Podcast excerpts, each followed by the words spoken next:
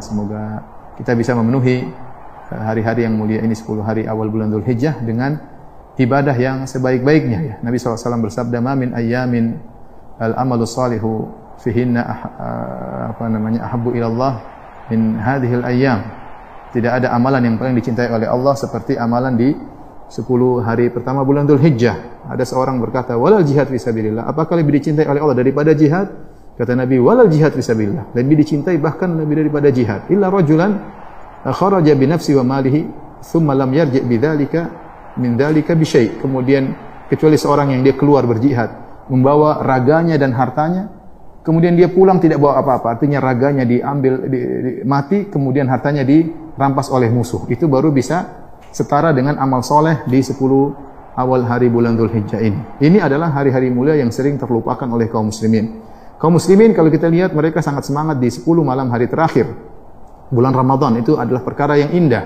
Tapi banyak di antara mereka yang lalai dari 10 hari awal bulan uh, Dhul Hijjah. Dan Allah bersumpah dengan hari-hari tersebut. Allah Subhanahu wa taala berfirman, "Wal fajr wa layalin ashar." Ya, demi al-fajr dan demi uh, layali itu hari-hari yang 10. Banyak ahli tafsir mengatakan maksudnya adalah demi 10 hari awal bulan Zulhijjah. Oleh karenanya seorang perbanyak amalan saleh di hari-hari bulan Zulhijjah baik malamnya maupun siangnya ya. E, dengan ibadah apa saja yang bisa dia lakukan ya. Mau puasa, mau sedekah, sholat malam, baca Quran ya. Karena hari-hari ini hari-hari spesial, hari-hari yang terlupakan oleh banyak kaum muslimin. Nuansa di tanah air tidak seperti kalau kita lagi hajian di Mekah. Di Mekah atau di Madinah, Masya Allah kalau 10 hari pertama Dhul Hijjah, Masya Allah orang pada berzikir, kemudian ada buka puasa tiap hari di di Masjid Nabawi, ya ini nuansa yang kita lihat uh, indah. Ya.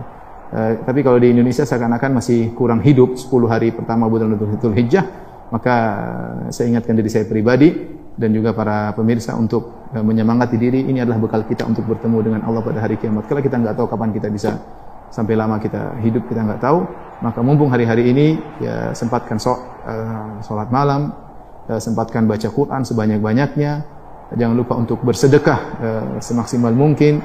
Uh, kalau mampu untuk berpuasa 9 hari pertama, oke okay, terbaik. Kalau tidak bisa, berapa hari yang dia dapatkan. Intinya ibadah apa pun dianjurkan di 10 hari awal bulan Dhul Hijjah ini. Semoga kita semua diberi taufik oleh Allah Subhanahu wa taala untuk semangat beribadah dan tidak menyia-nyiakan kesempatan yang besar ini yang hanya datang dalam setahun sekali.